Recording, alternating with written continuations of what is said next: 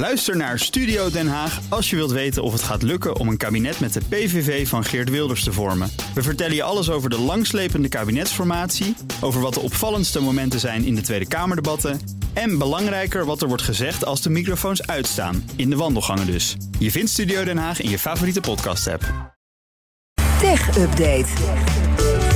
En Joe van Buurik is bij ons. Hey Joe. Dag Liesbeth en Kees. Goed dat je er bent. Ja. Want het Witte Huis komt met richtlijnen en een zak geld voor de ontwikkeling van AI. Konden we een beetje zien aankomen dat dat juist vandaag bekendgemaakt zou worden. Want er is een belangrijke meeting in datzelfde Witte Huis. Daar ontvangt vicepresident Kamala Harris topmensen van Google en Microsoft. Evenals OpenAI en Anthropic. Oftewel twee van de grootste en twee iets kleinere techbedrijven die bij uitstek met AI bezig zijn. En we weten ook al een beetje, Lisbeth, wat daar besproken gaat worden. Want die bedrijven, evenals nog een paar, waaronder Nvidia, hebben al moeten afspreken met de Amerikaanse overheid dat ze hun AI-taalmodellen openbaar moeten gaan maken af en toe voor de overheid. Dat gaat onder meer gebeuren tijdens DEFCOM in de VS. Nee, geen muziekfeest zoals we in Nederland kennen, maar een soort tech-conventie voor insiders, waaronder ook de overheidsdiensten. Wie dan precies die ja, eh, controles gaan uitvoeren, of in ieder geval gaan meekijken, weten we niet. Het persbericht van het Witte Huis rept in ieder geval over duizenden partners uit de community en AI-experts. Ah, een soort eigenlijk. Ja, ik denk dat het ook nog niet helemaal duidelijk is of dat echt nut gaat hebben. Maar in ieder geval wordt heel erg de, de, de, de, ja, de indruk gewekt dat het meer met eh, heel veel ogen tegelijk moet dan achter gesloten deuren. En er wordt gewerkt aan een lijst met regels hoe de federale overheid in de VS zelf AI mag gaan gebruiken. Dat borduurt dan ook weer een beetje voort op het niveau het concept van de AI Bill of Rights. Waar afgelopen najaar al voor het eerst een aanzet werd gedaan door de Biden-administration. En er is dus een zak geld. Ja, waar moet dat dan besteed worden? 140 miljoen dollar, op zich een aardig bedrag. Niet heel veel voor Amerikaanse overheidsnormen, maar dat komt van, uh, via de National Science Foundation. En dat gaat ervoor zorgen dat er zeven nieuwe AI-onderzoekscentra in de VS kunnen worden gerealiseerd. Uh, nieuwsflash, tenminste, ik wist dit nog niet. Er waren er al 18. Oh. Dus het is vooral een stukje opschalen om te zorgen dat er genoeg onderzoek naar AI gedaan kan worden. Nou, dat is in ieder geval positief, denk ik. Alles bij elkaar denk ik ook wel dat de Biden-administration heel graag wil benadrukken dat ze enigszins on the ball zijn met mm. AI. Valt wel nog een beetje te bezien, want Biden zei een tijdje terug nog: we moeten nog maar afwachten of AI echt zo gevaarlijk wordt.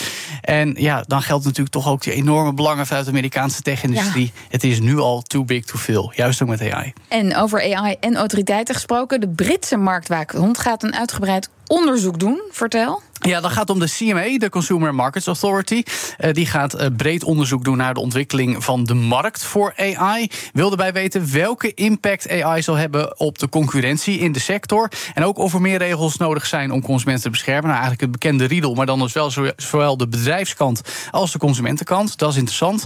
Het is van cruciaal belang dat de potentiële voordelen van deze transformerende technologie gemakkelijk toegankelijk zijn voor Britse bedrijven en consumenten, zegt de topvrouw Sarah Cardell van de CMA.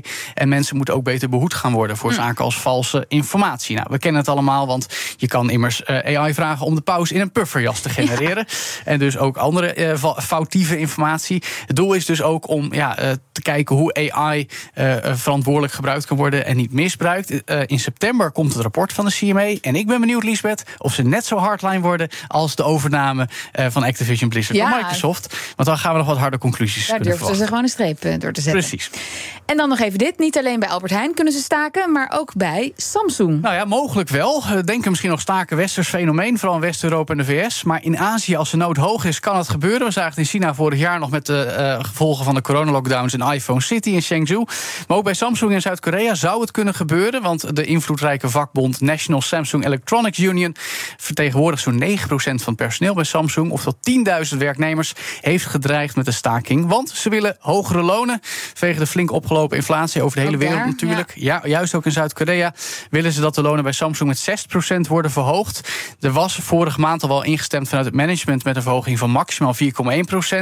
Maar dat zou netto slechts 2% verbetering betekenen voor de werknemers. Met alle plussen en minnen. Ja, en dan wordt Samsung ook nog eens in de verklaring beschuldigd van het buitensluiten van de vakbonden bij de salarisonderhandelingen. Wil dat de voorzitter J.Y. Lee zich meer gaat zien.